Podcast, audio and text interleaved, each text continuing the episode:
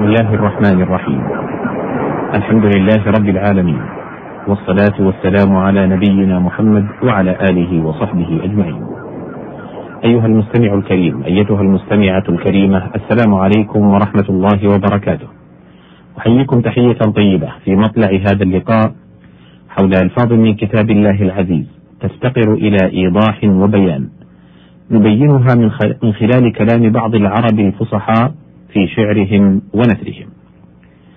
والمقام عند مادة السين والواو والعين. وذلك قوله تعالى في سورة طه إن الساعة آتية.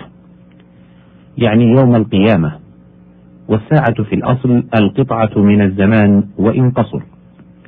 وعبر به عن القيامة وإن كانت متطاولة الأزمنة لقوله تعالى وإن يوما عند ربك كألف سنة مما تعدون. تنبيها على سرعة الحساب. وأنه تعالى لا يفوته شيء من أعمال خلقه من صالح وسيء فهو يجازي الفريقين في أسرع زمان في ظنكم.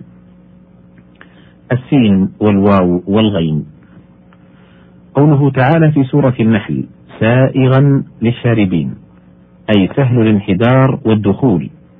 ساغ الشراب يسوغ سوغا. قال يزيد ابن الصعق فساغ لي الشراب وكنت قبلا أكاد أغص بالماء القراح. وأسغت لزيد شرابه وسوغته مالا أعطيته إياه بسهولة. وفلان سوغ أخيه إذا ولد على إثره. واستعير في الجواز فقيل ساغ له أن يفعل ولم يسغ له أن يفعل. السين والواو والفاء. قوله تعالى في سورة الأنعام فسوف تعلمون. سوف حرف تنفيس وتراخ في الزمان. يخلص المضارع للاستقبال بعد احتماله للزمنين. وفي قوله فسوف تعلمون تنبيه أن ما يطلبونه وإن لم يكن حاصلا الآن فهو آت لا محالة. وفي عبارة بعضهم إنها أكثر تراخيا من السين كأنه نظر إلى كثرة الحروف. وهذا يشبه ما قالوه في أن التوكيد بالنون الشديدة آكد منه بالخفيفة. وباعتبار المماطلة والتأخر قالوا سوفته. أي وعدته وعدا ماطلته بوفائه. وقلت له سوف أفعل كذا. والسوف شم التراب ومنه قيل علوم العرب ثلاثة القيافة والعيافة والسيافة. قال امرؤ القيس على لاحب لا يهتدي بمنارة إذا ساقه العود النباطي جرجرا. يريد إذا شمه. ومسافة الطريق من ذلك لأن الدليل يسوف ترابها. والسواف مرض إبل يشارف بها على الهلاك. إما لأنها تشم الموت أو يشمها الموت. والأسواف حرم المدينة. السين والواو والقاف. قوله تعالى في سورة القيامة والتفت الساق بالساق قيل المراد التفاف ساقي الميت في كفنه. وقيل هذا كناية عن شدة الأمر وتفاقمه أي اتصلت شدة الدنيا بشدة الآخرة. وقوله يكشف عن ساق كناية عن ظهور شدائد يوم القيامة وهو قول الجمهور عن ابن عباس وغيره. وفي حديث معاوية بن أبي سفيان قال خاصم رجل ابن أخي فجعلت أحجه فقال أنت كما قال أبو دؤاد إني أتيح له حرباء تنضبه لا يرسل الساق إلا ممسكا ساقا. أراد أنه لا تنقضي له حجة حتى يتعلق بأخرى تشبيها بالحرباء في تعلقها بساقها في شجرة ونحوها.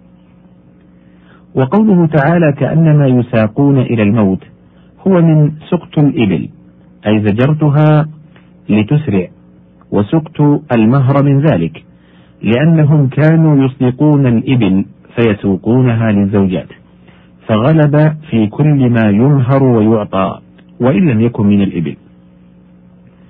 قوله تعالى وجاءت كل نفس معها سائق وشهيد قيل ملكان أحدهما يسوقه للحشر والآخر يشهد عليه. والسوق ما يجلب إليه المتاع لأنه تساق إليه البضاعة. والسوق مؤنثة ولذلك تصغر على سويقة وجمعها أسواق. والسويق معروف من ذلك لاتساقه في الحلق من غير مضغ فعيل بمعنى مفعول. السين والواو واللام.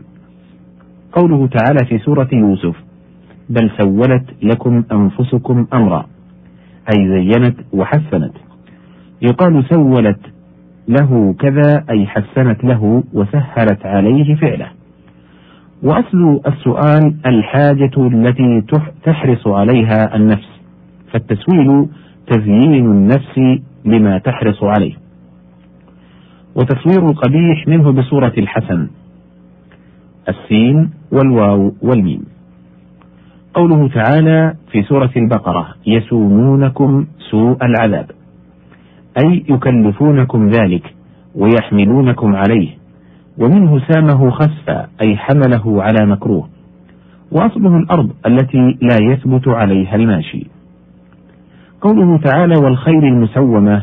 قيل هو من سومها أي أرسلها للرعي. وقيل المعلمة من سومته أي جعلت له سومة يعرف بها والسومة العلامة. قوله سيماهم في وجوههم أي علامتهم. يقال سيما وسيماء وسيمياء وفي الحديث نهى أن يساوم بسلعته قبل طلوع الشمس. قيل نهى عن ذلك في هذا الوقت لأنه وقت يذكر فيه الله تعالى. وقيل يجوز أن يكون من رعي الإبل لأنه إذا رعاها في ذلك الوقت وهو وقت ندى أصابها الوباء وربما قتلها. ذكرهما الزجاج والسام الموت كذا فسره صلى الله عليه وسلم حين سئل عنه. السين والواو والألف. قوله تعالى في سورة آل عمران تعالوا إلى كلمة سواء بيننا وبينكم أي عدل ونصفة ومثله فانبذ إليهم على سواء أي على حكم العدل والإنصاف وقد يقصد بسواء مقصد غير كقول الأعشى تجانف عن جن اليمامة ناقتي وما قصدت من أهلها لسوائك. أي لغيرك وقوله فلم يبق منها سوى هامدي. قوله تعالى سواء علينا أجزعنا أم صبرنا أي الأمران مستويان في عدم الغناء عنا. وقوله تعالى خلقك فسواك تسوية الشيء جعله سواء إما في الرفعة أو في الصفة. فالمعنى جعل خلقك على ما اقتضته الحكمة. وقوله تعالى ونفس وما سواها إشارة إلى القوى التي جعلها الله مقومة للنفس. وقوله سبحانه رفع سمكها فسواها فتسويتها تتضمن بناءها وترتيبها المذكورين في قوله تعالى إنا زينا السماء الدنيا الآية. وقوله تعالى بلى قادرين على أن نسوي بنانه قيل نجعل كفه كخف الجمل. من غير انقباض وانبساط. وقيل هو عبارة عن تفاوت الأصابع واختلافها فإن كونها كذلك مما يعين على الانتفاع بها. وقيل هو عبارة عن البعث والحشر أي نردها كما كانت بعد أن كانت متفرقة. وقوله فتمثل لها بشرا سويا أي كامل الخلق لا ينكر منه شيء كما لا ينكر من الآدميين الذين تعهدهم هنا انتهت هذه المادة وبها ينتهي الحديث في هذه الحلقة. أسأل الله سبحانه وتعالى أن ينفع به والسلام عليكم ورحمة الله وبركاته.